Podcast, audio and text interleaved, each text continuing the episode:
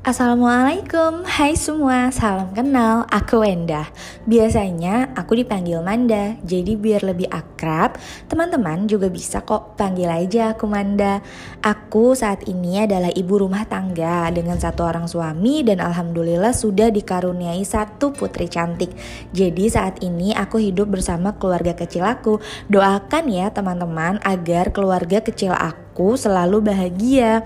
Nah, pastinya dong doa yang sama buat semua teman-teman yang mendengarkan podcast ini. Semoga kita semua bisa hidup bahagia bersama orang-orang yang kita sayang.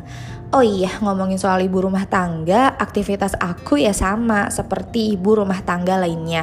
Tapi teman-teman ada tambahannya nih. Karena saat ini selain jadi ibu rumah tangga aja, aku juga jalanin bisnis kecantikan di Bior Cosmetic. Seru banget deh teman-teman ketika aku jalanin bisnis ini. Jadi, aku mulai bisnis ini di tahun 2017, kurang lebih sudah sekitar 3 tahun ya. Nah, yang bikin aku senang gitu kan ya happy buat jalanin bisnis ini itu aku punya banyak teman baru gitu. Jadi di sini bisa ketemu sama orang-orang baru gitu kan ya yang dari mana aja gitu kan di Indonesia bahkan bisa sampai luar negeri teman-teman. Nah, Hal-hal itu bikin aku yang ibu rumah tangga ini nyaman banget buat jalaninnya. Kenapa? Karena di sini aku ngerasa nggak sepi atau nggak bete lagi. Kalau aku hanya di rumah aja, ya balik lagi. Namanya juga ibu rumah tangga. Pasti aktivitas sehari-hari aku kebanyakan ya di rumah aja. Nah, bersyukurnya banget ketemu sama bisnis ini yang Masya Allah gitu kan ya bisa memberikan dampak positif buat aku yang ibu rumah tangga ini gitu. Jadi yang biasanya mungkin aku suka bete gitu kan ya abis ngerjain yang lainnya terus aku ngapain lagi gitu. Nah ketika ketemu sama bisnis ini aku jadi ngerasa uh, happy. Kayak gitu teman-teman. Selain juga dapat penghasilan sih ya lumayan ya teman-teman ada penghasilan tambahan untuk seorang ibu rumah tangga kayak aku. Nah, teman-teman, jadi di podcast ini aku memang khususkan untuk berbagi cerita dan sharing pengalaman aku dalam menjalani bisnis ya, bisnis online sebagai ibu rumah tangga.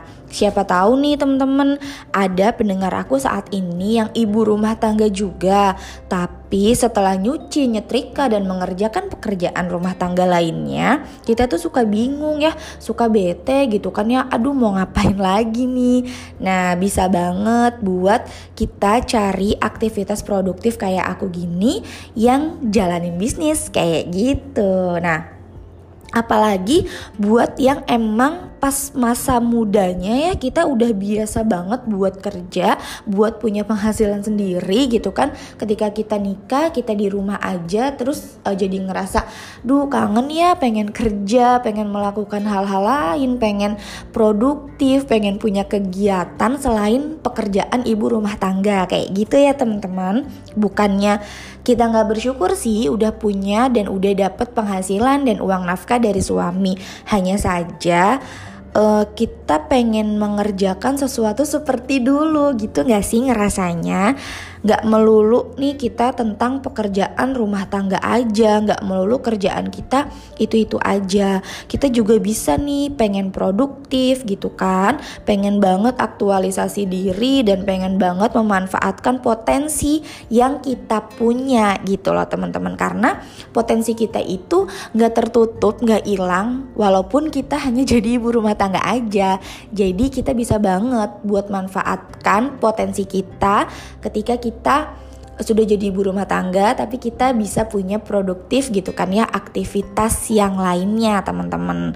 Nah semoga sharing aku dan cerita-cerita aku di podcast ini selanjutnya bisa menginspirasi teman-teman para ibu rumah tangga di mana pun berada karena aku yakin banget ibu rumah tangga juga bisa punya karir walaupun hanya di rumah aja soalnya ibu rumah tangga itu keren.